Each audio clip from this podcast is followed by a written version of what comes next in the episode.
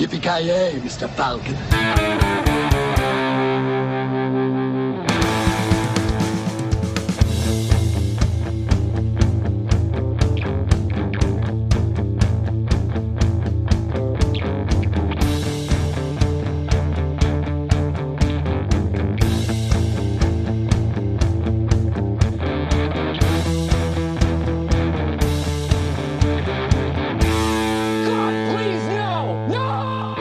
Ja, då hälsar vi välkomna till veckans avsnitt eh, som eh, faktiskt handlar om mästerverket Jaws 3D. Jag gillar pausen där. Jaws. Och så blev, så fick, fick du alla excited. Ja, nu jävlar. Är det nu du liksom sätter bara Jaws i taggarna här också eller vad? Ja. Vad är det för clickbait-intentioner här? Jag skulle säga Jaws 3D. Nej, du skulle ha sagt Jaws 3. Det! Ja, men ja, att- ja, men ja, fast då är det lika illa ska jag vilja påstå. Give little faith. Vi, vi uttalar det fel allihop, det är Jaws 3-D. Så heter filmen. Nej, 3 bindestreck det. Ja, bindestrecket är viktigt att utnämna liksom. Det, Jaws 3-D. Jabs Eller, 3 det- bindestreck det. Vad säger man? Jaws 3-D. På alltså, engelska. jag, jag- jag vill bara påpeka att vi, vi har ändå rätt mycket att prata om, så jag tror inte vi behöver gå in så här mycket i detalj på titeln eh, på det är sjukt filmen för att dra ut på avsnittet faktiskt. Det är sjukt viktigt att få det rätt. Ja men, ja, men det ska vara det. Och i Sverige heter den Hajen 3, i Spanien heter den... Nej. Les duelades muertos någonting 3D. Ja, g- Knösen läste inte spanska i alla fall, det kan man ju konstatera. Det roliga är att jag faktiskt eh, pluggade spanska. är det så? Sjuan till nian eller vad fan det blir. Kan vi få ett smakprov?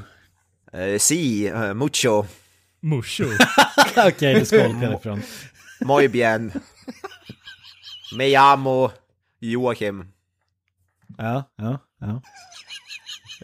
Och hur skulle This du säga att Hajen is 3 är en jävligt bra film? Hur skulle du säga det på svenska? Mm, eh, no bien. No bueno. Hur fan säger man haj på spanska? Inte en susning. Javs. Uh, det är ett O i slutet bara. Ja så. I och med att det är en titel väl så går det väl bara att säga Jaws liksom, så jag vet inte. Ja. Jaws och Hajen är inte riktigt samma sak direkt översatt. men- Nej. Ah, Men vi vet ju alla hur svenska filmbolaget har eh, gjort med titlar och sånt under tiden. Alltså vi, vi måste ju bara påpeka att uh, script title, alltså eh, originaltiteln som de hade när de skrev scriptet var ju Jaws 3 People Zero. Ja. ja, just det. Det skulle bli en sån här National Lampoon, eh, en spoof av de första två Jaws-filmerna. Ja, och på tal om National Lampoon så hade ju Randy Quaid kunnat varit castad i den här filmen istället för Dennis faktiskt. Ja, men det, det var väl tänkt att, eh, vad heter han, Joe Dante skulle regissera också. Nej, fy fan. då hade det ju blivit förmodligen kanske en sevärd film. Jo, Dante kan ju göra film i alla fall. Jo, han kan ju, men han eh, har ju tendens att vara lite cyniskt asshole också, så eh, jag vet inte om det hade blivit bra eller dåligt liksom. Eller, Jag ja, vet han- inte bli mycket sämre direkt, men... Han gjorde ju Gremlins två år efter att den här kom ut, så vi kanske aldrig, aldrig hade fått se Gremlins om han hade gjort eh, Nej. den här Precis. filmen. Han hade gjort den här Piraya-filmen, Piranha. Så Ja, jag tänkte ju säga det. Jo, jo, hade inte han gjort något sånt liknande? mm, Ja. de tänkte väl, han har gjort en fiskfilm, eh, då borde han kunna göra den här fiskfilmen. Den räknas väl ändå som hyfsat. Jag har aldrig inte sett den, men den räknas väl ändå som, vad jag har hört ska den vara helt okej ändå. Piranha. Ni vill verkligen inte prata om Jaws 3D hör jag.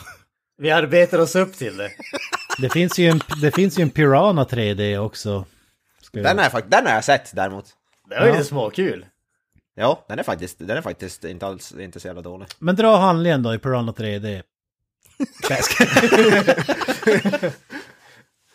Eh, det är samma som i Jaws fast det är med pirajor. I princip. ja, just det. Det var, det var ju för fan en kopia av eh, första Jaws-filmen. Ja, Ja, alltså det är typ det. Det, det måste man älska. Ja, ja. Fan. Nej men Jaws 3D, vad, fa- vad fan har vi valt just 3D för? Jag, jag är helt oskyldig. Ja, vi tyckte att vi pra- det är för lite 3D i podden så vi tänkte att... Ja. 3D måste ju få sin, få sin tid i, i rampljuset. Det är ju den, eh, det magiska numret som folk brukar säga. Och eh, ja, Ja, ja. Det, det förs väl över på den här filmen lite med med det där med magin. Ja. Nej, men det, det, det, fi- det, finns ju två, det finns ju två alternativ om man ska snacka Jaws-filmer. Och det är antingen Jaws 3D eller Jaws the Revenge. Coolaste titlarna alltså. Fast 3D har ju aldrig varit en så här cool titel direkt eller? Ja men det, det är läck, alltså 3D, skulle du, skulle du sätta det på en film idag så är det inte så coolt. Men på 80-talet, då är det ju badass. Friday Ja. the 13th part 3D. Alltså, alla de där. Ja, men det där är ju så vidrigt också för, för folk, eller inte folk, men eh, filmbranschen eh, har ju en tendens att vänta ut eh, 3D-filmen i en serie tills man har, alltså att 3D-effekterna kommer tillbaka om du vet vad jag menar. Alltså Toy Story 3D till exempel och sånt skit. Alltså, Heter den Toy Story 3D? Nej. Nej, men jag, jag tänker så här att om du till och med sätter det i namnet, hette inte Judge Dredd 3D förresten? Ja, det heter den. Ja. Det, Dread, det, Dread 3D. det, det är ju bedrövligt. men är det så att han Oj. stavar med 3D i också eller? Det är 3D i hans namn i och för sig så. Triple D, jajamän. Jag ser jävligt mycket fram emot Avatar 3D. Den kommer att vara grym. Det gör ingen annan än du. För mig är det ju ett underbart grepp att sätta just 3D i titeln. För det är ett tecken på att okej, vi vet att filmen suger men eh, kom och se den för att det är 3D. Eh, Lite så, tänker jag. Ja men så är det, alltså, det, det är ju en, 3D är ju en gimmick, så är det ju. Och de måste ju locka folk på något jävla sätt. Ja, så är det. Det är ju en jävla selling point. Så att det hajar i 3D, det är ju, det blir inte bättre än så. Alltså. Men, men alltså, som sagt, alltså, nu, nu är det ju höjden av den här filmen, det är just 3D-effekterna och det, det föranleder ju det, det självklara antagandet. Vi har ju givetvis sett den här filmen i 3D, eller hur grabbar?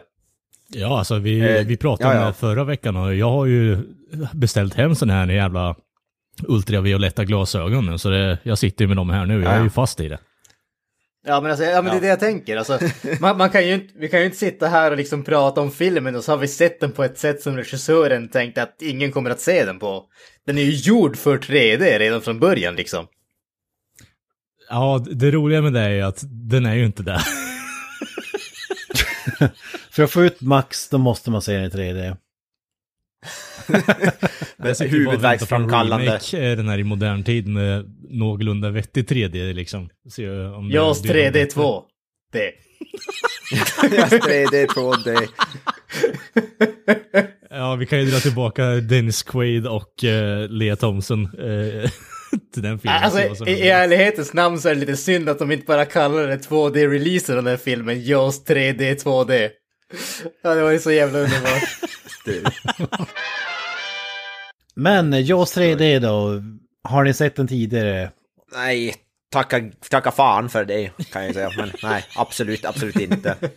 Jag känner igen grejer från den, så jag har nog sett delar av den. För vissa delar kändes jävligt bekanta faktiskt, men nej. Absolut inget som jag någonsin skulle vilja se. Ja, det är en film som hör hemma i filmhistoriens eh, museum, alltså för bästa scener någonsin. Ja, ja, ja. Som jag tror att de flesta har bara- sett. Ja, det är ju det jag menar, såklart. Det är ju... Du är inte, med- du är inte mannen nog att se, få se den här filmen menar du, eller vadå?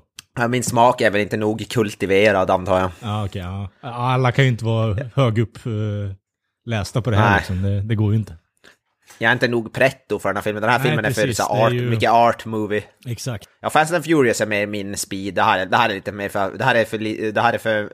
Alltså det här är ju klass med så här Citizen Kane och, och så vidare. Ja, men alltså problemet med den här filmen är att man måste ha så jäkla mycket bakgrundskunskaper för att kunna ge en fullkomlig förståelse och tolkning av den. Det är det som är grejen. Ja, alltså jag precis. fattade. Mycket av det där gick över huvudet på mig. Alltså. Ja. Det var svår, ko- Då vill jag ha lite popquiz här. Är en delfin en fisk eller en eh, liksom eh, ett däggdjur? It's a mammal. Ja, det har vi fått lära oss att det är tydligen Exakt. Ja. Om det är Ja, någonting hajen. som den här filmen gör så är det ju att lära ut lite i alla fall. Så det här kan ju folk, den filmen kan ju visas i skolan till exempel. Ja, ja, men alltså den här filmen var ju början på den stora edutainment i 3D-vågen som kom där i mitten på 80-talet. Och dog där i mitten på 80-talet ungefär en månad senare. Dog samtidigt som den föddes. det, det var början fett, och slutet kanske. för vågen. Det är fett skulle jag vilja kalla det till och med. Granström då, har du, har du sett den tidigare? Nej, det hade jag inte. Jag, jag eh, kan ju erkänna att den enda Hajen-filmen jag hade sett innan den här, det var den första filmen. Och det enda jag hade sett från den här, det är den där uh, Hajen genom fönstret-biten som jag har sett något klipp på. Men eh, re- för, förutom det så var allting annat nytt. Ja, men det var samma för mig. Det var typ någon sån scen som jag kände igen. Men för, ja, för, som Gran som sagt, jag tror den enda jag sett också är... Eller för, jag kan ha sett någon annan film också, men det är ju först, först och främst första Jaws då såklart. Mästerverk. Men Ja. ja, nej. Och Kalle vet jag har sett den. Jajamensan, det här är ju... Alltså, den, den var lite långsamt, eh, mer långsamt paced än vad jag kommer ihåg den som. Men eh, fortfarande så är, bjuder på en del bra gapskratt här och var i alla fall. Ja, jag har också sett den, men jag tror att jag har kokat ihop i mitt huvud, blandat ihop alla uppföljare och typ ta ut det mest intressanta och trott att det var en och samma film ungefär. För att, Ja, det var, ungefär där också jag kom till eh, realisation också under eh, typ den första kvarten här. ja, Jaws Revenge, det är väl kanske ett framtida avsnitt, men den är ju underbar. Avsnitt 400 så att vi får, vi får liksom coola ner lite från den här avsnittet. Hur mycket, hur mycket, hur många Jaws finns det egentligen? Finns det fyra eller finns det mer än fyra? Det finns för många. Ja, det finns Ska för lite på Back jag to the. Future så borde vi vara För till lite. typ Jaws 23 nu eller vad fan det är. Det finns bara fyra stycken. Jag kollade just upp det. Jaws the Revenge är sista. Fyran är sista. Ja, det är alldeles för få filmer. Ja, det är kvalitativa filmer alltså. Ja, ja det märker man inte minst på rolllistan här, eller vad säger du Avoya? Ja, jag behöver säga något mer än Dennis Quaid.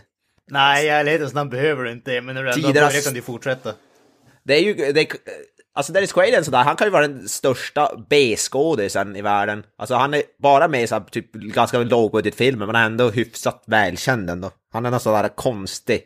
Kom igen motherfucker, han var, ju med, han var ju fan med i Dragonheart, det är typ en av de bästa filmerna någonsin. Ja, just det. Ja. Ja, vi ska inte glömma G.I. Joe, Rise of Cobra heller. Just Nej, det. just det. Alltså, vi, om vi kan säga så här. Jag föredrar ju hellre Dennis Quaid framför Randy Quaid faktiskt. Alltså jag har ingenting emot Dennis Quaid, men han är ju med i väldigt, väldigt blandat kompott i hans CV. Men grejen med honom det är är att han är, ju, han är så jävla bland. Det är det som är hans Ja, signum är- mer eller mindre. Han sticker ju inte ut överhuvudtaget. Nej, han gör inte det. Det är det jag säger, han är typ... Han är typ... eh, Han är med i mycket så här låg budget, för det är väl typ... Det är väl lätt för honom att få sådana roller, men så, Mm. kan jag tänka mig. Så bara, ja, Ja, men han är jag, lite, jag, han är lite jag som tycker en... ändå han oftast är bra. Alltså, det, det man Ja, gillar med honom är att han ändå. gör ju alla möjliga jävla filmer. Han, han gör Mm. Jaws 3D, han gör science fiction-rullar, han gör western, han gör drak-fucking-filmer, han gör vanliga draman bara. Alltså han, eh, han drar sig Han inte känns, ju, han känns ju som ett Nicky säkert Cage. kort lite grann. Jo, precis. Men Ja. det är det som är lite grejer med honom. Han är ju, han är ju inte någon så här, commander bla bla bla eller något fisherman bla bla bla, utan han är, ja men det är Dennis Quaid liksom. Det, alla vet vem han är.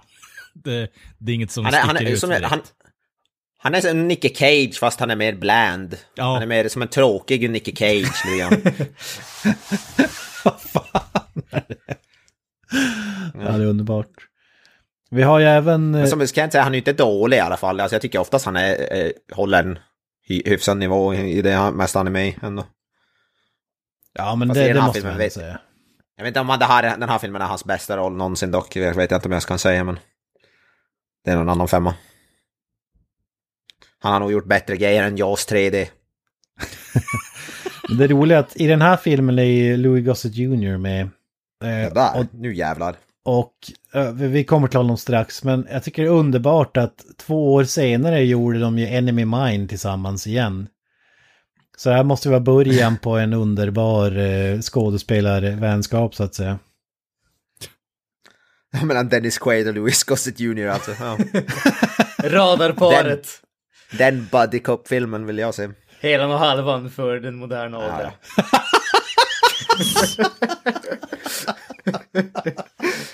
men det är ju verkligen det. Känns som att varje gång vi nämner dem tillsammans så behöver vi ha den här Ebony and Ivory som spelas i bakgrunden.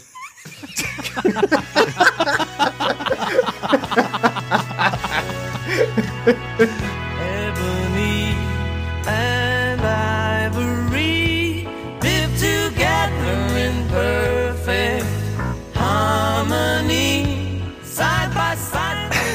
Det är som Tarantino och Samuel L. Jackson, det är samma. Det är Louis Gossett Jr. och Ja. Dennis Quaid. Kan vi inte börja spela Ebony Ivory när de två tillsammans också eller? Jag tror det kan bli en grej det här. Ja, ja. Åh fy fan. Ja, Ja, det det blir är så så jävla... så jävla... bör vi ha Ebony and Ivory spelandes varje gång vi pratar om någonting. Ja, alltså de blir... Ja Kan exakt, vi inte de ha är med varenda film på podden också tänker jag. Vi, bör, vi bör ha det som våran intromelodi. De är med i så jävla många filmer tillsammans alltså. Men Louis Gossett. Jr. vann ju underbart nog en Oscar året innan i filmen En officer och en gentleman. Och sen, jag vet, han måste ha bokat in den här filmen innan eh, han fick det priset, eh, antar jag. Ja. är, det för sent, är det för sent att backa ut eh, this project? Så nu fick du med Academy Award winner Louis Gossett Jr. i, i en av huvudrollerna. Jag, jag blir lite sårad här över att ni tror att han inte ville göra den här filmen. Jag tänker ju att det här var ju hans försök att hoppa på en franchise liksom. Han tänkte att det här skulle ju ta han till stratosfären. Rent, eh, om man säger, fame-mässigt så att säga. Ja, ja, du tänker så ja. Ja, han, lyf, han lyfte verkligen ut i stratosfären också ef- efter den här. Det måste man ju säga. Definitivt. Han var ju trots allt med i eh, Dolph Lundgrens Punisher. Exakt. Ja, just det. Ja, men det är bra att ha på CVt. Vi har ju dessutom Back to the Future-morsan, Lia Thompson Granström. Yes. Känd för sina utmärkta roller i som sagt Back to the Future och att inte glömma Howard the Duck. Ja, just Ja, det, eh, jag, är lite, jag är lite nyfiken på hur ni tänker det här grabbar. Jag är lite förvånad över att eh, någon som har porträtterat en eh, incestuös människa och en... Eh, ja, vad fan blir det då? En... Eh, eh, tidelagsmänniska inte tid- försökte ha sex ja, med hajen och få det här löst på ett annat sätt. Ja. Ja, men alltså grejen här var ju att det här var ju hennes featurefilm-debut. Så att hon hade ju inte vuxit in i sig själv, hon hade inte Ah, riktigt okej, självförtroendet. Fetischgrej Det är det. kommer Till hennes alltså. försvar så försökte hon ha sex i vattnet samtidigt som en haj simmade där. Ja, jo, sant, sant. Men jag tänkte mer på att eh, hon hade kunnat lösa problemet med hela filmen egentligen istället för att de skulle smälla upp en haj. Bara make love not war e- egentligen. Make love not sushi. Grymma skämt här. Haglar tätt. Men sen den, eh, den mest meriterade skådisen är ju ändå P.H. Moriarty, mer känd som Hatchet Harry i Lockstock and Two Smoking Barrels. Beunderbar snubbe, bad guyen i den filmen. Här spelar han någon sån här eh, billigare version av den badass-fiskaren i första Jaws, skulle jag vilja påstå. Ja, jag känner att Vinnie Jones hade ju kunnat eh, leva upp den här listan lite bättre faktiskt. Ja, det hade varit magiskt. Ja, Vinnie Jones ska ju dock inte ha varit gammal när den här gjordes. Tio år i Vinnie Jones kanske, uppskattningsvis. Skulle kliva in och dominera här som en badass. Fucking Kontchok! Det kanske var det den här filmen saknar. Ja, lite Han var ju, han var ju nästan, han var ju nästan tre, 30 barre, Vinnie Jones, när den här filmen kom ut ändå. Va? Okej. 65 var han född. 60, han var ju- 65, Eller ja, han är ju för nej, fan 30. knappt, knappt 20. För fan. Ja, 20, ja, Ja, ja detta 20 men han var. 65, han är knappt 15 för fan. Ja, okej. Men han var typ 18 var han typ. Matematiken. Vi kan bara Ja, men räkna han på var ändå 3D. typ- Det var ju typ 20 var han ju typ drygt. Ja, ja men vi, vi lämnar Vinnie Jones rollistan med den här infon att Louis Gossett Jr. året efter att han vann en Oscar var- blev han utsedd till Worst Supporting Actor på Razzies för den här filmen. Så. Oh, nice. Det är fan status. Först vinna Oscar och sen uh, vad heter det, bli nominerad för Razzie. Men det här var ju det bästa. Worst New Star, Cindy and Sandy, The Shrieking Dolphins. Så delfiner Jag tyckte jag var fan elakt. Det tyckte jag var la- elakt. Jag tyckte de uh, levde upp tycker det var kvalitetsskådespeleri. Ja. Alltså slutscenen är ju bortst för fan. De, de kallar på delfiner så tar det två minuter innan de kommer upp till ytan. Det är ju inget bra skådespeleri egentligen. De hade kunnat klippt det där till och med. Alltså vad jag förstått så är i alla fall den ena delfinen var ju en sån här uh, känd delfin på SeaWorld eller någonting som levde så sent som 2019 läste jag en artikel om den jävla delfinen så. Jävlar. Judas, Judas.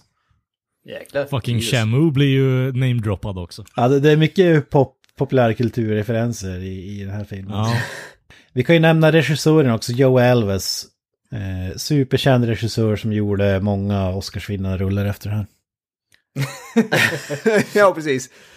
Han är ju faktiskt, eh, han är ju faktiskt Oscars-nominerad. Eller var, sa du inte något sånt? Eller var nominerad till någonting? Ja, Razzies alltså. Ja. nej, ja, nej, men eh, var han inte seriös då? Jag tyckte du sa att han var nominerad för någon special. Han, ble- han blev nominerad för, eh, vad fasken var det? Det var typ eh, production design eller någonting sånt. Ja, Ja. fan var det? Encounters of the third kind eller vad den heter. Close Encounters of Ja, the third Close kind. Encounters. Ja. Ja, just det. Men det känns ju Ja, som det att, tro. även om vi kan eh, harpa på regissören och sånt där. Det finns ett namn som vi inte har nämnt som jag faktiskt tycker om att, som jag tycker att vi borde nämna. Och det är Screenplay by Richard Matheson. Och ifall ingen vet vem det är så är det ju snubben som skrev I am Legend, alltså den legendariska boken. Eh, som bisarrt nog, jag vet inte hur det gick till, men han skrev tydligen screenplay till den här filmen. Ja, det var jävla sammanträffande.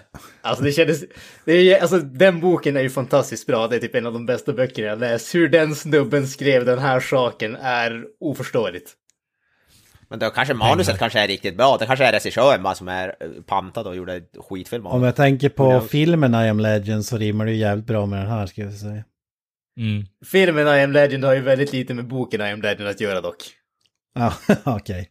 Fast filmen, är- jag skulle fortfarande s- se I am Legend 700 gånger över den här jävla smörjan. Det kan jag också hålla med om. Nu ska han shameas för att eh, någon tog hans verk och kastade det i soptunnan och plockade upp det igen och gjorde något helt eget av det. Ja, just det. Ja, precis. ja, det ska han shameas för som fan. Ja, men Joe Elves, regissören, han eh, designar ju Jaws, alltså hajen i första filmen bland annat. Det är ju det är ju dock imponerande, för, för hajen i första hajen ser fortfarande, vi såg ju den, vi pratade om den i podden och den är ju faktiskt jävligt välgjord faktiskt. Så då kan han få lite props. De använder det på ett jävligt bra sätt i alla fall, skulle jag säga. Det konstiga Ja. där är att den hajen ser ju bättre ut än hajen gör i den här filmen. Ja, ja, sjukt jävla mycket bättre. Ja, vi får ju knappt se en haj i hela den här jävla filmen alltså. Nej. Vi får se tänder och blod, men Ja, inte så mycket haj, tyvärr. nej, faktiskt. Och det är, ja, vi kommer till det sen, men det är en del av den största kritiken jag har mot den filmen. Kan jag ju lugnt säga. Är det största Det kritiken är av alla alltså? saker. Alltså, de bästa delarna är ju, är ju faktiskt den här dåliga CGI-scenerna med hajen och allt det där. Det är ju de bästa, men det är så jävla lite av den varan. Faktiskt. Annars hade jag ju fan älskat den här filmen om det bara var det i en och en halv timme. Fy fan vad magiskt den filmen hade varit. Ja. Ja, så kan man ju uttrycka Så kan det. man säga. Ja, ja. Jag vet, ska vi ta upp något mer Lisa, eller är det handlingen på tre minuter som gäller? Ja, det är väl handlingen på tre minuter som väntar. Ja, jag kan, jag kan tajma. Jag är jävligt dåligt förberedd, men jag får se om jag får ihop det. Tre, två, ett, kör! X antal år efter att polischefen Martin Brody grillade Jaws med hjälp av en elledning i den andra filmen är det hans söner Michael och Sean Brodys tur att råka ut för en hajattack. Varav den ena spelas av Dennis Quaid. Filmen börjar med att vi får se en pyramid av vattenskidåkare som forsar fram på vattnet samtidigt som en hajfena syns bakom dem. Två av tjejerna i pyramiden blir distraherade av en spännis på steroider och alla hamnar i vattnet. Vi får veta att vi befinner oss på SeaWorld där ungdomar tränas upp till sektmedlemmar och att SeaWorlds United Sea Kingdom ska invigas. En central under vatten med tunnlar under vattnet där folk kan titta på fiskar. Under tiden som Louis Gossett Jr spionerar med sin kikare på vattenskidåkaren har Spennisen misslyckats med att svetsa ihop en grind ordentligt. Och den håller bland annat hajar ut ur lagunen. Ut ur lagunen där den här anläggningen ska ligga och en viss vit fisk simmar in tillsammans med de här skidåkarna. Eh, Gossett Jr är även en stor grej att Philip Fitzroy, den kände fotografen, ska närvara vid invigningen. Kändisfotografen dyker upp med Hatchet Harry från Lockstock and Two Smoking Barrels som hjälpreda. Och eh, ställer till med en jävla massa skit. Eh, den här grinden är så jävla kass och går inte att slå igen. Och eh, när en snubbe dyker ner på kvällstid för att dra igen grinden med hjälp av ett hänglås sjukt nog. Så blir han mördad av en haj. Hans arm flyttar upp mot kameran samtidigt som vi får se grinden öppnas på nytt. Eh, Quaids brorsa raggar upp eh, morsan från Back to the Future genom att spela en patetisk lek som går ut på att knuffa din motståndare. Han, eh, hon faller för honom när han eh, lurar henne att hans gylfer är öppen. Märkligt nog. Eh, de ska bada näck i lagunen men blir... Eh, ja, där tappar jag bort för lite men... Eh, hur som helst. Påkomna. En haj, en haj dyker upp. Lou Gossett Jr och Hatchet Harry vill döda hajen på film. Men eh, Quaids flickvän är en jävla fiskälskare och vill söva ner hajen istället och övertalar dem att de ska göra det otroligt farliga stuntet för att kunna visa upp en vit haj i parken. För att det skulle vara locka världspublik. Eh, trots att Brody förklarar att hajar fan är mördare för att min farsa har blivit utsatt för mordförsök av en levande vit haj. Eh, ofta Hatchet Harry vill bomba den här jävla hajen men Quaid vägrar. Han han vill inte att lagunen ska förstoras. Louis Gossett Jr sitter i kontrollrummet en hel film och de lyckas fånga in den här hajen. Men, hajen dör sen under en visning. Eh, vi, hoppar vidare. Det visar sig även att den här lilla hajen har dragit med sig en gigantisk morsa in i parken. Och det blir en jävla massa haj-slagsmål eh, och grejer och folk eh, äts upp innan Dennis Quaid och gänget saves the day genom att spränga hajen efter att eh, hajen har svalt eh, den här stjärnfilmen hel och han håller ut en arm med en granat och Dennis Quaid lyckas dra ut sprinten på den jävla granaten så hajen sprängs. Käftarna flyter upp mot skärmen med en pö, po, pöl av blod. Alla klarar sig utom filmaren och vi avslutar med usla stillbilder på delfiner som också överlevt. The End. Ah, 3.21. 03.21. Ja, det, det var en av de sämre. Det är en av de sämre. Men helt oförberett. Varför gillar du det där med spännis som du sa? Jag står och kollar på, kikar på spännis. Jävla dö? Ja, men hur Ja. fan ska man beskriva han? Han är rojdad spännis. eh, Ja, ja, jag tyckte det var bra. Ja, fy fan. Ja, det är det han gör. Jag står och kollar på spännisen med sin kikare. Ja. A creature alive today has survived millions of years of evolution. It lives to kill. A mindless eating machine that will attack and devour anything. One terrified you like nothing you have ever experienced when it captured your imagination and tapped your fear like no movie before it. Then, just when you thought it was safe to go back in the water, two continued the legend and spread the fear. Next summer, nature's most terrifying creature takes on an all new dimension in an all new adventure. And for the first time, the terror of Jaws will not stop at the edge of the screen.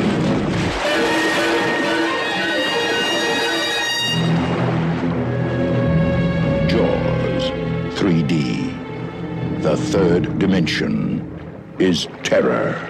Generella tankar om filmen bara innan vi går in på eh, specifika scener och annat. Eh, ja, eh, horribelt, horribelt, horribelt dåligt. Och det är inte ens, säger jag inte ens för att det är så här, ja den har dåliga specialeffekter och den är bara, alltså Grejen är de delarna är ju jävligt underhållande och det hade, hade filmen haft en och en halv timme med dålig, dåliga specialeffektshajar och dåliga sånt där, då hade jag älskat den. Men den här filmen har så mycket som inte är det, som är så jävla dåligt. Så därför blir den bara, den är...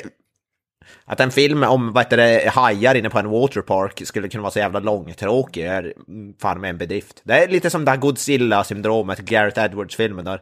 Jag ville se en film om hajar som käkade upp massa folk och jag fick inte det. Jag fick Dennis Quaid springa omkring och gapa i en och en halv timme. Och jag fick Louis Gossett Jr med en kikare. Det som- det fick jag även, jag, jag glömde ju nämna den, bästa scenen i världshistorien. En haj ligger helt still och flyter in i en, och krossar en glasruta. Ja. Ja men det är de delarna, de delarna älskar jag, de där slockiga delarna, de, de är ju sjuk, skitbra, alltså de skrattar jag ju gott åt, men det är så lite av den varan, det är alldeles, alldeles för lite. Och alla delar som inte är det är ju så horribelt långtråkigt, hemskt dåliga. Att de tog såg Jaws och sa det var för mycket haj, vi tar ut lite haj. Ja, ja det Lägger också. in mer tråkiga delar. Och så lägger vi in sämre skådisar.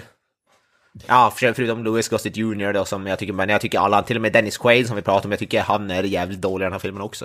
Jag tycker ingen är speciellt bra i den här filmen om jag ska vara helt. Det är väl ingen som eh, tar sig härifrån med heden i behåll om vi säger så. Ah, inte mycket heder. Louis Gossett Jr möjligtvis lite, för han är rätt badass eller rätt cool, men knappt han alltså.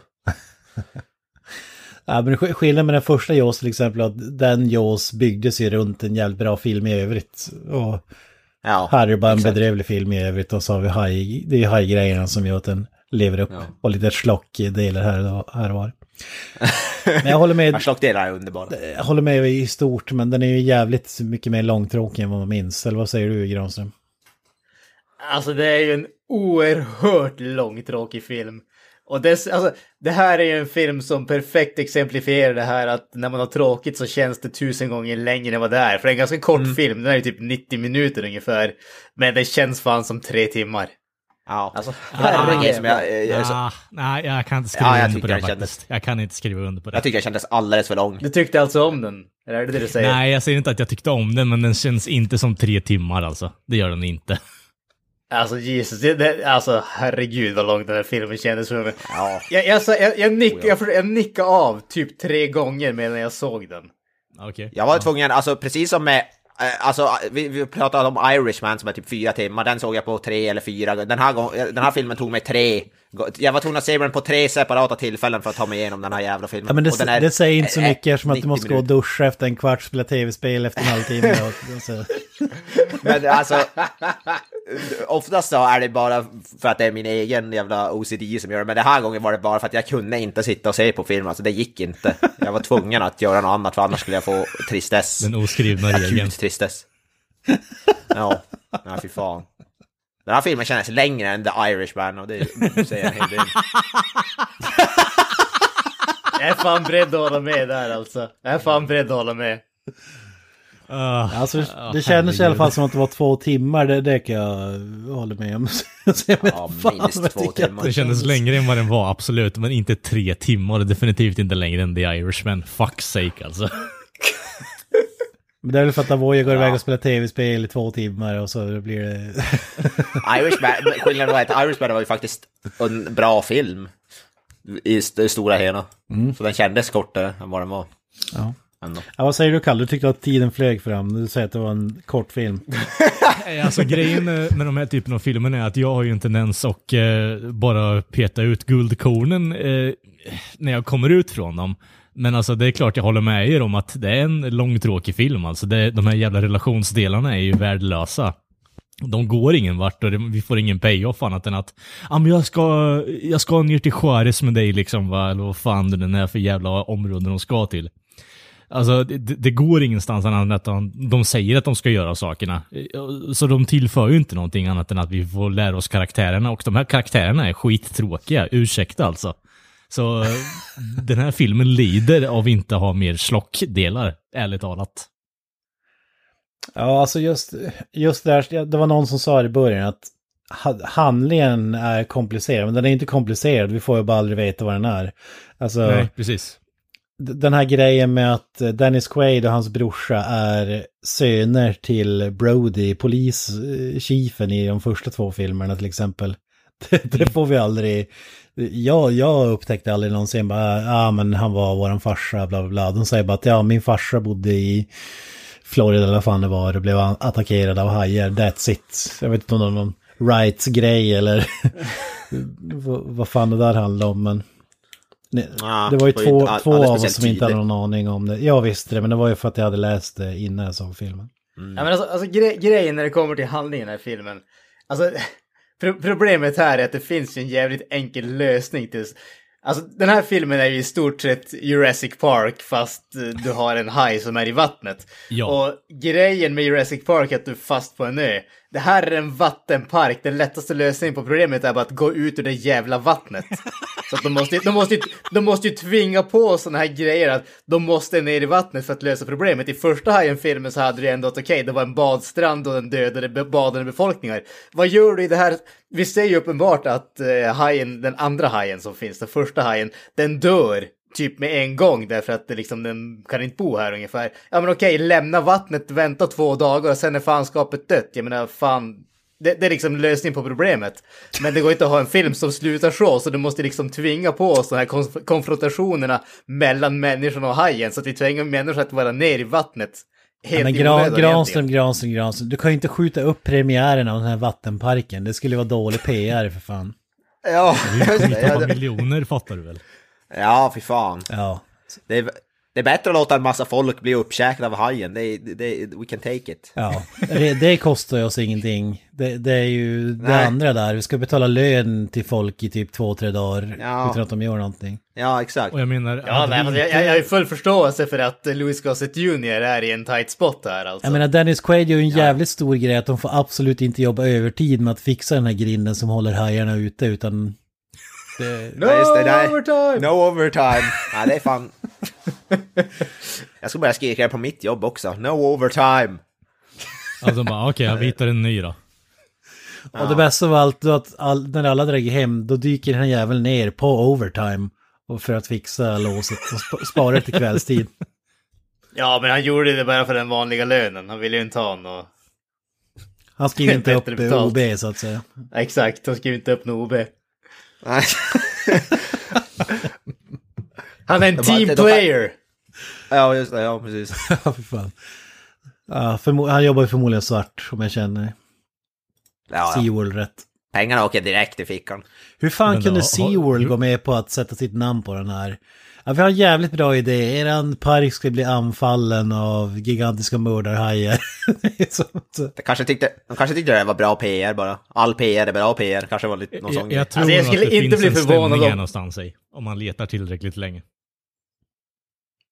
An antingen det, eller så var det någon sån här typ jättelöjlig idiotgrej där man typ glömt bort att ta ensam rätt på namnet SeaWorld eller någonting åt det hållet. Ja, Ja men det, Ja. ja, men det ska vara, det ska till och med spelas in på någon slags eh, SeaWorld-anläggning. Inte i den Kom, delstat nej. som det påstås men... återigen så nämns ju Shamu för fan och det är ju deras, var ju deras huvudattraktion för ett tag sedan så. Ja, nej men Se- SeaWorld är inblandat, det, det råder inga tvivel om det. Grejen är ju om de nu stavar SeaWorld med ett C bara istället för att skriva ut S-E-I-A liksom. Ja, herregud. Ja, det hade varit magiskt om det här var en sån grej alltså. Men jag vet inte, de, ka- de kanske hade någon så här att de skulle visa upp en vit haj som de hade fångat in och, och ville göra en big deal av det, jag vet inte. Kan ju vara något sånt. Ja, och sen så dör den i filmen två sekunder efteråt. De kanske hade en visning av den här filmen på någon, eh, på någon sån här biograf som var på någon sån här SeaWorld. De har väl, de har väl säkert någon, någon bio i på, vad heter det, området så att säga.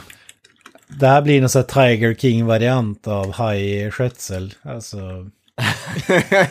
Felbehandla hade djuren som velat dör i haft Joe fångenskap. Exotic som eh, ja, Dennis Quaids roll där istället faktiskt.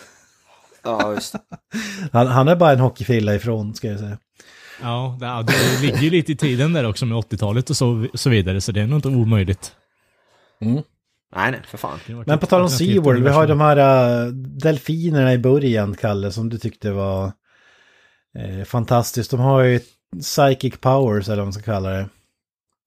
Ja, precis. Det, det är ju så här, ekolod eller vad fan de är de har inbyggt liksom. Det är, det är ju, det är ju su, nat, eh, övernaturliga krafter är det ju egentligen. Ja, ja. Berätta mer. Vad fan är det de ska göra? Det är han och, eh, det är Dennis Quaid och läkaren där som ska åka ner och söka efter någonting, eller hur? Men skulle de laga någonting eller vad fan det nu var? Jag tror de skulle leta efter någonting om jag kommer ihåg rätt, men återigen, den här filmen är så dåligt mixad ljudmässigt så man var tvungen att höja som fan, men hör fortfarande vad fan folk säger. Nej, Så- det, det, det måste man ju faktiskt hålla med om. Man hör aldrig vad någon säger i den här filmen. Men hur som helst då, de åker ju ner där och ska leta efter någonting nu, supposedly. Och eh, blir då mött av Sandy och, eh, fan heter den andra jäveln? Sandy and Cindy. Cindy, ja. De här två delfinerna som är övernaturligt eh, lojala mot eh, sina captors, eh, om man nu kan kalla det för det. Och eh, börjar då försöka, enligt, som Kent säger, enligt Lassies traditionen och varnar dem bara, bara och skaka på huvudet och fram och tillbaka. Eh, för att varna dem om den vithajen som är i eh, inhägningen då, tillsammans med dem. Och eh, de hjälper ju dem därifrån då. då. Eh, från den här vithajen. Och eh, ja, den, den scenen är så jävla värdelös. det ser så få, fånigt ut. För alltså, eh, jag tror det är Quaid som tappar greppet om den här jävla delfinen. Eh, och är liksom så här fem meter ifrån den. och man tror bara, ah men yes, han, någon kommer dö nu i alla fall, det kommer hända någonting. Men nej, nej, vi, vi fixar det i en post här. Då kommer den här delfinen i 100 km i timmen tillbaka och tar Quaid och så åker iväg igen. Fan. Ja, det, Alltså det är ju en underbar scen, för alltså det, det man älskar det är ju den här uh, uppspeedningen som de har gjort av de simmande delfinerna och hajarna, vilket ser för jävligt ut. Men det, det påminner ju väldigt mycket om de här klassiska tv-serierna när de skulle åka bil snabbt och så har de uh, speedat upp allting. Men uh, här så är det ju i vattnet och dessutom har du folk som hänger på uh, delfinfenorna, vilket gör att allting ser extra mycket fake ut. ja, det är lite Herbie-känsla så är det. Ja, ja men det är verkligen det. Det är, det är lite konstigt att vi aldrig fick något delfinrally, tycker man. Alltså, det, jag känner att om, om vi nu blir miljonärer någon gång under våra liv så är det ju det vi ska finansiera. Ja, Delfinrally, ja. Underground Delfinrally Delfin sponsrat Race. av CMP. Sponsrat av CMP. ja. ja vi får inget, vi får inget Ja. delfinrally, däremot lyckas de ju fånga in den där babyhajen, söva ner dem och när de ska visa upp på de grandiosa premiären på SeaWorld då eh, händer det grejer. Oh ja. Och fy fan, uppvis, alltså... Den här, de ligger som, alltså är ju som i vattnet med hajen, då, då ser den ju verkligen inte stor ut. Jag vet inte hur de kan... Nej men det är ju inte... Det är tror inte ri- Det är en annan haj. Nej, jag vet, men jag vet inte hur de någonsin kan misstänka att... jag tror att den är typ skyldig för någonting egentligen. Den är ju fan lika stor som... Ja, man får ju knappt in vad heter det, handen i käften på den liksom. Ja, jag menar det är väl mer för att den är relativt aggressiv överlag som de tar in den. Jag vet inte riktigt, lite så här konstiga fascinationer med att man vill fånga det som inte går att fångas på något sätt. Och så blir det så här Ja. lite fascinationen överlag, med, från hennes del i alla fall. Bara, Ja men eh, vi blir den första som har tagit in en eh, Great White Shark liksom. Nej det... Fy fan. Och den här Ja, jävla- men jag, tror, jag tror det där handlar om att hon ville inte mörda den framför kameran, hon ville mörda den framför folk live. Det, det var det Ja, precis. Hon är lite såhär Exakt. Isis-stuk fast med hajar. Got you. Ja, men det, det, är, liksom, det är hennes grej alltså. Det, det är liksom... Det, döda djur inför be, befolk, inför publik, då, då jävlar. Saltvatten, fuck saltvatten. Stoppa in honom i sötvatten. Exakt. Make him suffer.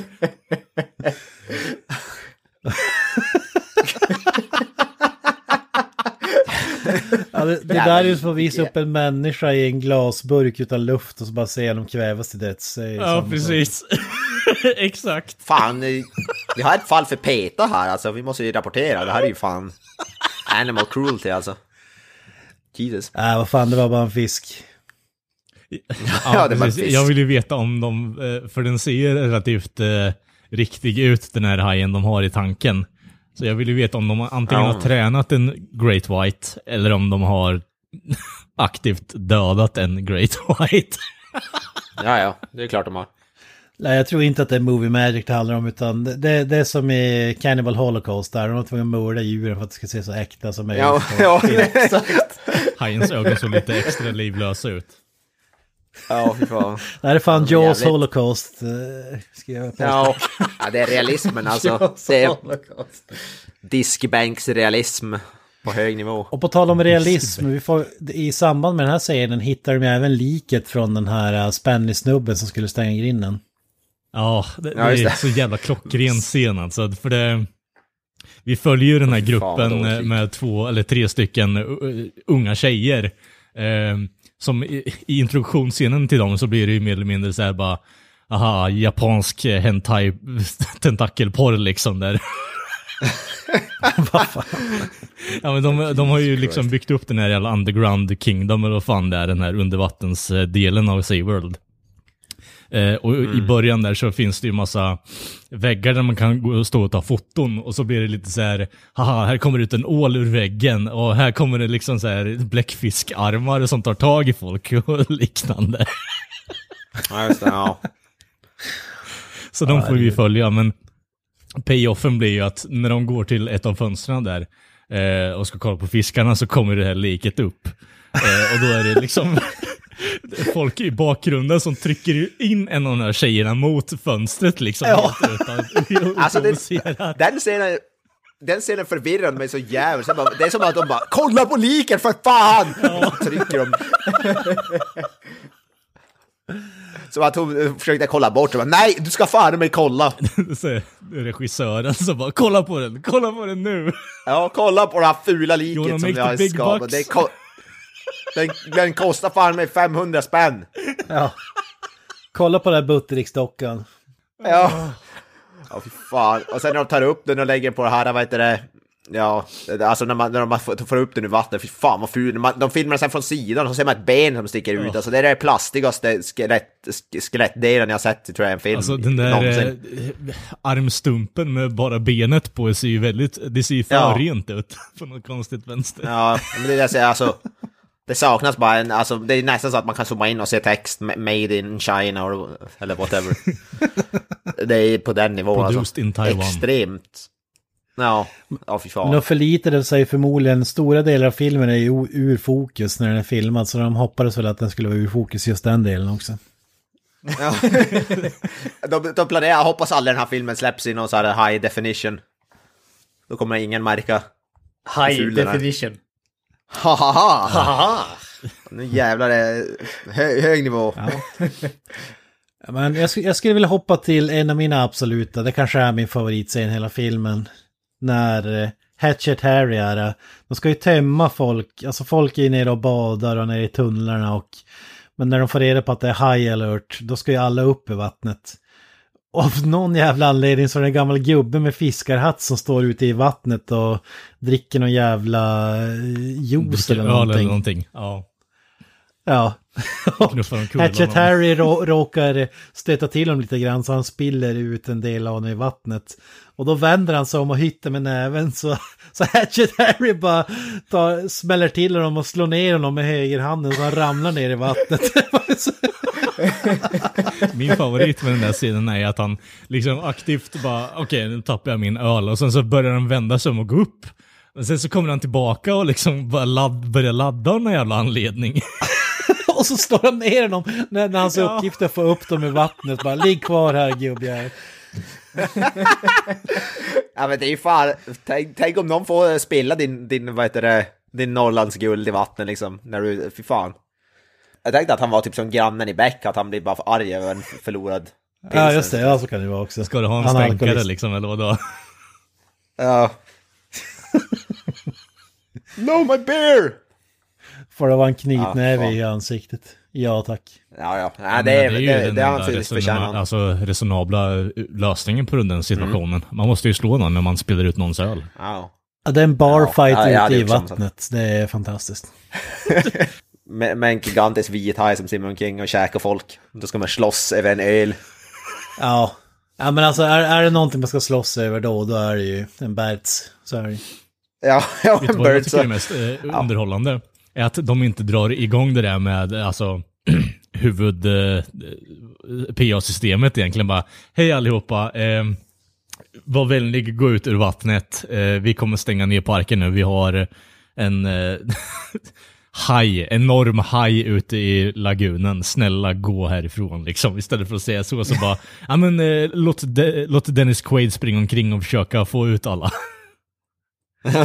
Ja, ja men det är, det, är så, det är som i verkligheten, man vill inte ha panik. Man säger bara ja det är en bomb på flygplatsen. Utan du säger bara ja, Technical er till difficulties. och så vidare. This is not a Det är drill. Louis Gossett Jr.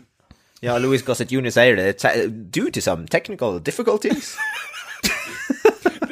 Delen efter det är ju underbar. Is this shit turned off? Va?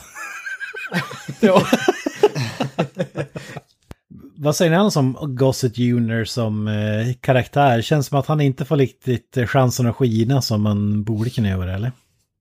De fokuserar ju på tok för mycket på ungdomarna, liksom the, the leading cast. Och de tar ju inte för Ja. sig överhuvudtaget, bortsett från typ Lea Thompson som eh, eh, på, på något sätt ändå har lite personlighet i den här filmen. De andra är ju som en wet blanket bara, mer eller mindre.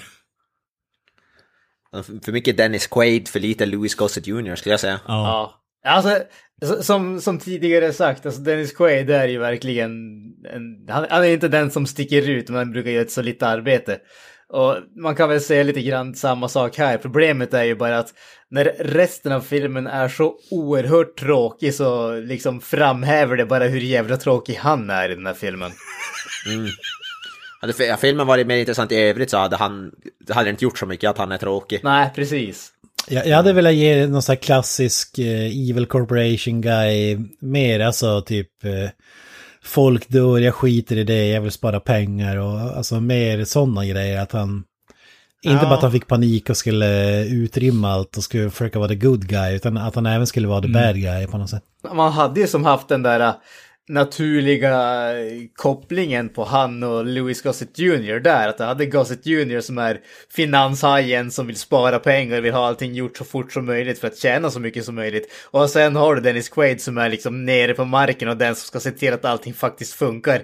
Och så sen så när hajen kommer och Quaid vill stänga ner allting och liksom skydda stället och Gossett Jr liksom tvingar han att, eh, vad heter det, öppna och allting sånt där. Och så har du den naturliga motsättningen där. Men vi får ju typ ingenting sånt. Det, Dennis Quaid blir ju bara en liksom mellansnubbe mellan han och snubben som vill döda hajen istället. Men jag håller med Granström, för det, egentligen den här filmen har ingen antagonist, vilket är jättekonstigt. Om man förlitar sig på en CGI-haj eh, 90% av filmen för det.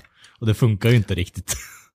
Nej, alltså man tror ju att han eh, sliskiga kändisfotografen som ser ut som Aaron Eckhart ska, ska Ja. vara den, så han ska ställa till med någonting för att få den här perfekta shotten. Eh, Vad fan ska man, han är typ någon Bear Grylls eller vad ska man, vad heter han, eh, australiensaren där som dog?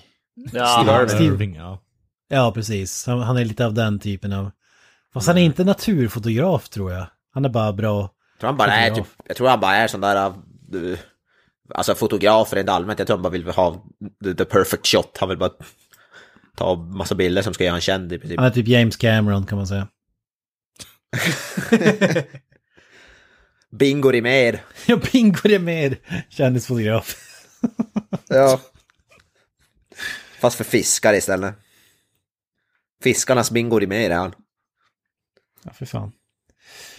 Men vad säger du? Den mest episka scenen i filmen och kanske i världshistorien är ju ändå när The Big Bad morsan hajen ska flyta sakta genom en glasruta, eller vad säger du?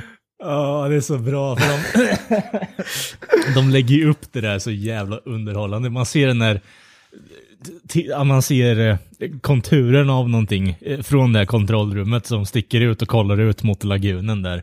Ser man hajen där långt bort i fjärran. Och sen så blir allting nedstämt och bara, man ser en eh, overview shot på dem och sen blir det slow motion bara. Look! Over there! Oh no!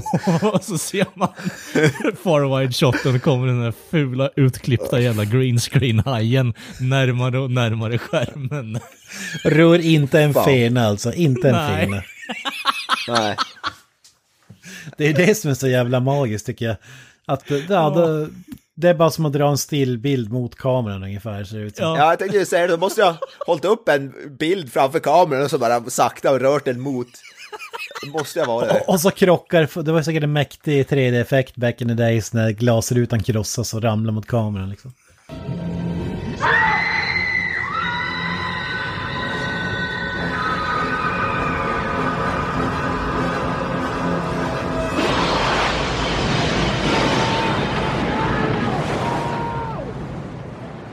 Inte, var det inte i den här The Meg? Var det inte var det någon liknande scen? Så, där en stor Ja. hajen kommer mot en stor glasrus då? Ja. Jag tänker inte, det måste vara någon hommage till Jaws 3D. Jajamän. Nu, nu ska vi inte fastna i det, men jag tycker att hela filmen, det känns som att Jurassic Park har snott eh, mycket från den här filmen alltså. ja, ja. Jaws 3D har inspirerat mycket. Ja, men det, bara hur vattenparken ser ut med de här hyddorna och eh, fonten och grejerna. Jag tycker det osar i Jurassic Park alltså. Ja. Men whatever, den här scenen är fantastisk. Det är den som gör sig värd att plåga igenom de här 90, ah, 90 minuterna. Det är ju för att få se hajen glida genom rutan.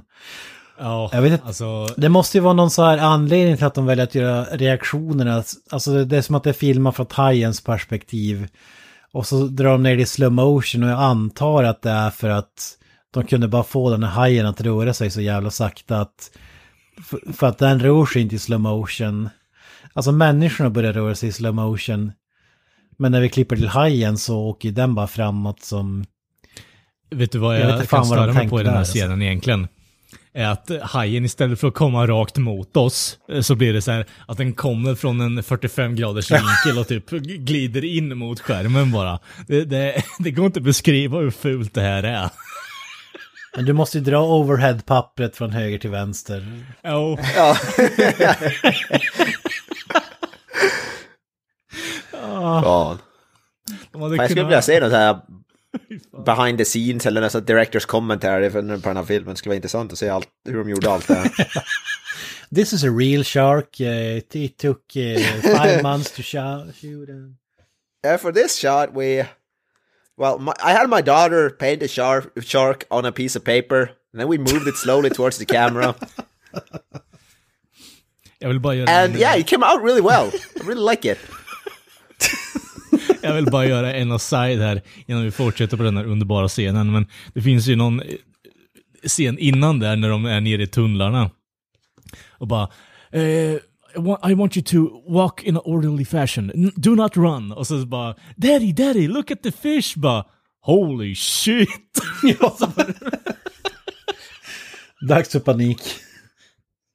Holy shit!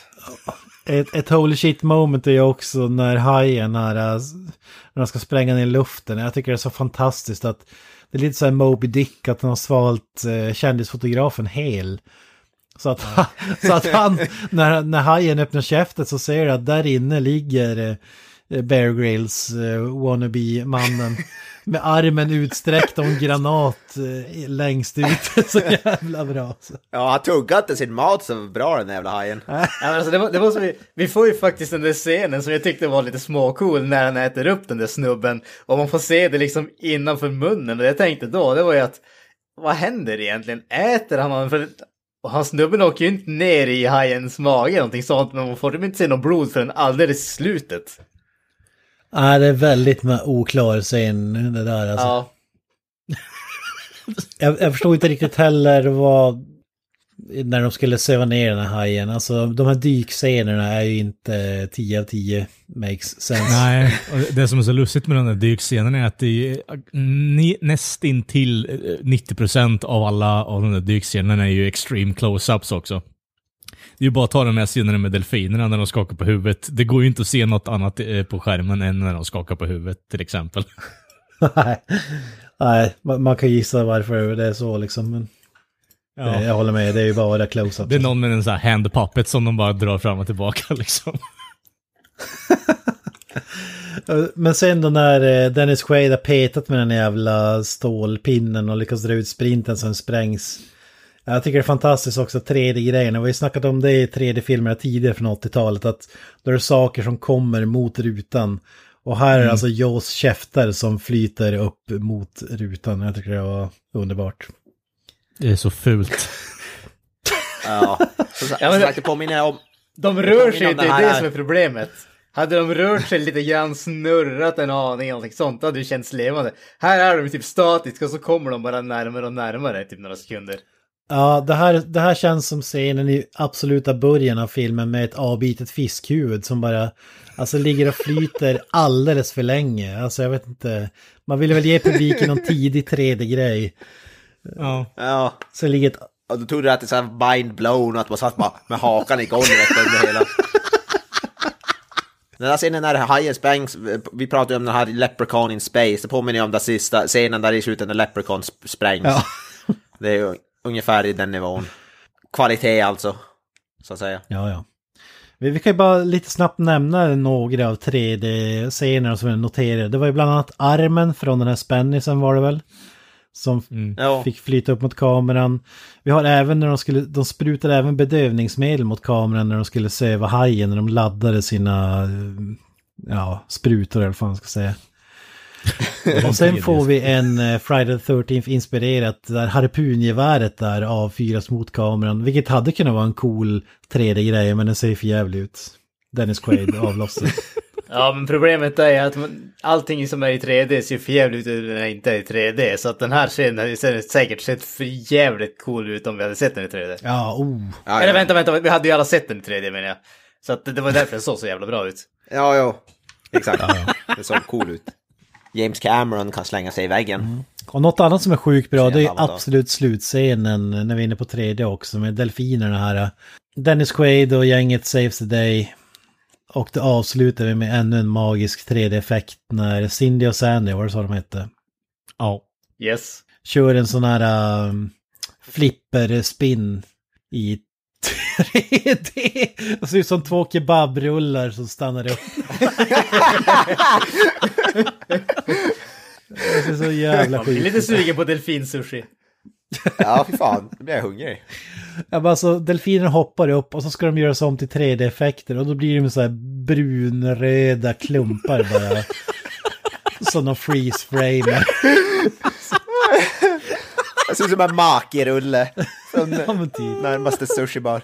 Ja, det ser de så bara- för jävligt de ut att det är tagit underbart. alltså. en stillframe när de kom upp till vattnet eller någonting. Men nej, vi måste klippa in och göra en sista fuck you till pub- publiken här nu innan vi stänger av.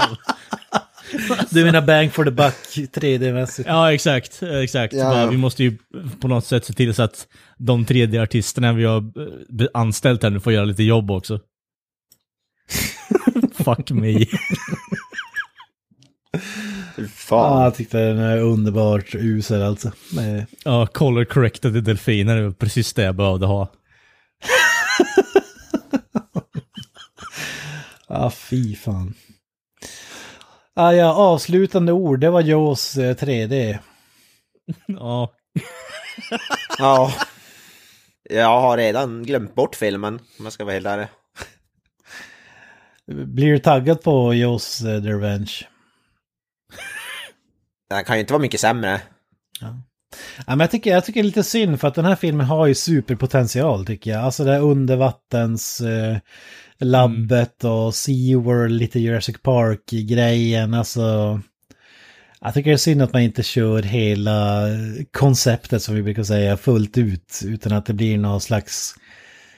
Jag fattar, jag fattar att det har budgetskäl. Vad, vad hade den för budget? Det var under Drygt 18 20 miljoner. miljoner. Däromkring. Ja, Lite under. sånt. 20 miljoner, drog in 90 miljoner var det så. Ja, Ja, ungefär. något sånt. Dundersuccé. Sjukt framgångsrik. Ja. Framgångsrik var den ju definitivt. Ja. Ja, men jag, jag, jag, tycker, jag tycker det är synd. Det känns som att man kan göra mer grejer där under vatten istället för att få de här usla dramabitarna och eh, mhm. slasheraktiga scener som aldrig slutar med någon slash. Så att säga. Och fan, typ inga vad heter TNA har vi heller. Vad fan är det? Var är allt TNA? Alltså, dessutom med tanke på att det är en film som utspelar sig i en vattenpark och folk går omkring i badkläder så är det ju oerhört lite sånt. Ja, fan. Nästintill besvikelse. imponerande om man har lyckats med det. Ja. Sjukt besviken. Ja, det närmaste vi får är väl gubben där i fiskarhatten som är topless i vattnet. Så. ja, Ja. alltså du får ju nöja dig med får det inte, där. inte nå... Jag hade velat se lite Dennis Quaid från Full Frontal, till exempel. Ja, lägga in den på Viggo Mortensen-skalan där. Ja, precis. Louis Gossett Jr. Ja, men, Jävlar, nej, han skulle ta över. Jag, jag skulle misstänka att han skulle ta över Viggo Mortensen-skalan. Han skulle få bli Louis Gossett Jr-skalan efter det. Ja. Om han simmade i vattnet skulle de ha ett, eh, ett annat sjöodjur att se upp för.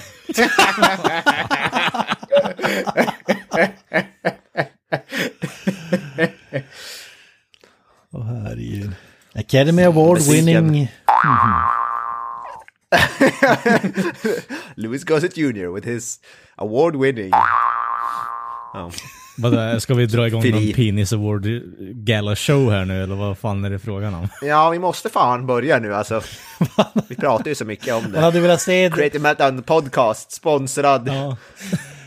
Så här, Hall of Famers eh, i år blir det Ronnan och, och eh, John Ja, Holmes eller vad fan det är liksom. Det hade varit underbart om det var i trailern så här, introducing Louis Gossett Jr. Så vänder han sig om bara och visar upp hela...